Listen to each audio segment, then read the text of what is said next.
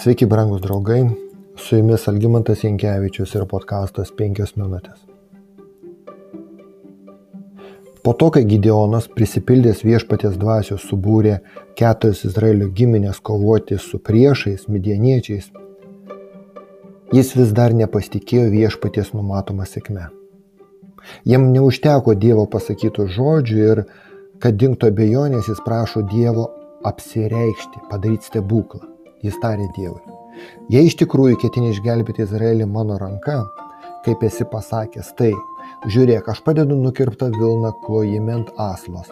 Jei rasa bus tik ant Vilnos, o visa žemė aplinkui liks sausa, žinosiu, kad tu išgelbėsi Izraelį mano ranka, kaip esi pasakęs.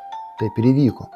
Pakilęs anksti kitą rytą, jis išgrėžė Vilnas ir išspaudė iš Vilnų tiek rasos, kad galėtų pripildyti poduką vandens. Tada Gideonas tarė Dievui, ten neužsidega tavo piktis ant manęs. Jei dar sėki kalbėsiu, prašau leisti man dar vieną sėki bandyti su Vilnomis. Te būna sausos tik Vilnos, o visur ant žemės te būna rasa. Ta naktį Dievas taip ir padarė. Vien Vilnos buvo sausos, o visur ant žemės buvo rasa. Teisėjų knyga šeštas skyrius. Kaip kartais tai primena mus. Mes radai retai tikime žodžiais net paties Dievo žodžiais. Mums reikia įrodymų, kad pamatytume ir paliestume. Dievas už tai mūsų nebara, bet vis dėlto mums reikia įrodymų. Dabar Gideonas buvo tikras po įrodymų, kad Dievas tikrai yra su juo ir jis tikrai išgelbės Izraelį.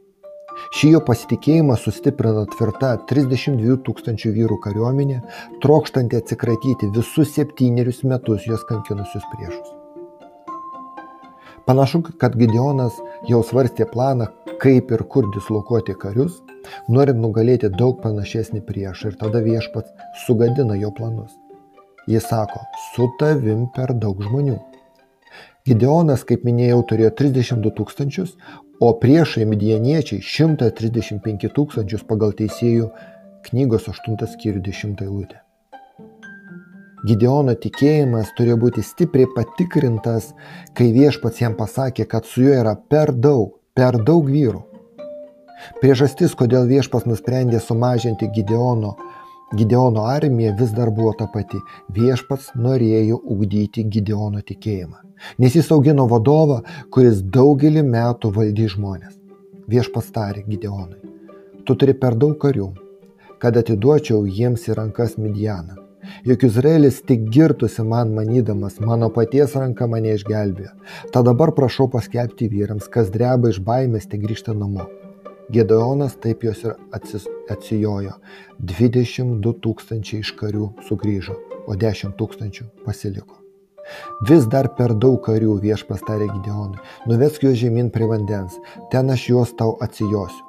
Kai sakysiu, šis eis su tavimi, jis eis su tavimi, kai, o kai sakysiu, šis neis su tavimi, jis neis su tavimi. Jam atvedus karių žemyn prie vandens viešpas tarė Gideonui, visus lakančius vandenį liežuviu, kaip šuo laka, pastatyk skyrium ir visus, kurie atsiklopė gerti, pastatyk skyrium. Skaičius tų, kurie lakė vandenį iš rankos, buvo 300. Visi kiti kariai vandens atsigerti atsiklopė. Tada viešpas tarė Gideonui, su 300 vyrų, kurie lakė, išgelbėsi juos ir atiduosi Midijano tau į rankas. Teina namo visi kiti kariai. Teisėjų 7 skyrius. 300 žmonių prieš 135 tūkstančius. Ar galite įsivaizduoti? Tai net skamba nesuvokiamai. Bet tai buvo Dievo planas ir Gideonas pakluso. Jis pakluso šitam planui. Siekdamas sustiprinti savo tarną, viešpats slaptas siunčia Gideoną į priešų stovyklą, kuris girdėjo dviejų priešo kareivių pokalbį. Vienas sako kitam, klausyk, sakė jis, kokį sapną sapnavau, žiūriu, mežinės duonos kepalas rėda Midjano stovyklą. Atredėjęs prie mūsų palapinės taip smogė ją, kad ši pargriuvo. Palapinė apsivertė dugno aukštinių sugriuvo. Bičiulis atsiliepė, tai ne kas kita kaip Jehoašo, Jehoašo sūnaus Izraelio vyro Gideono kalavijas. Jam į rankas Dievas yra atidavęs Midianą ir visą jo kariuomenę. Žinome, tiek sapnas, tiek aiškinimas buvo iš pačių viešpaties. Išgirdęs sapno pasakomą ir aiškinimą, Gideonas parpuolė kniupšės.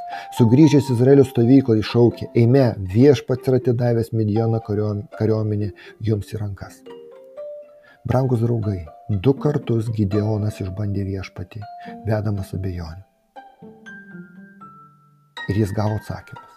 Ir tik visiškai pasitikėdamas Dievu, Gideonas galėjo pamatyti Dievo stebuklą, kurį buvo girdėjęs iš savo tėvų, tėvų tėvų ir kurį jis taip norėjo pamatyti. Dievas yra galingas savo tautos išvaduotojas. Su jumis buvo penkios minutės ir Algymantas Inkė.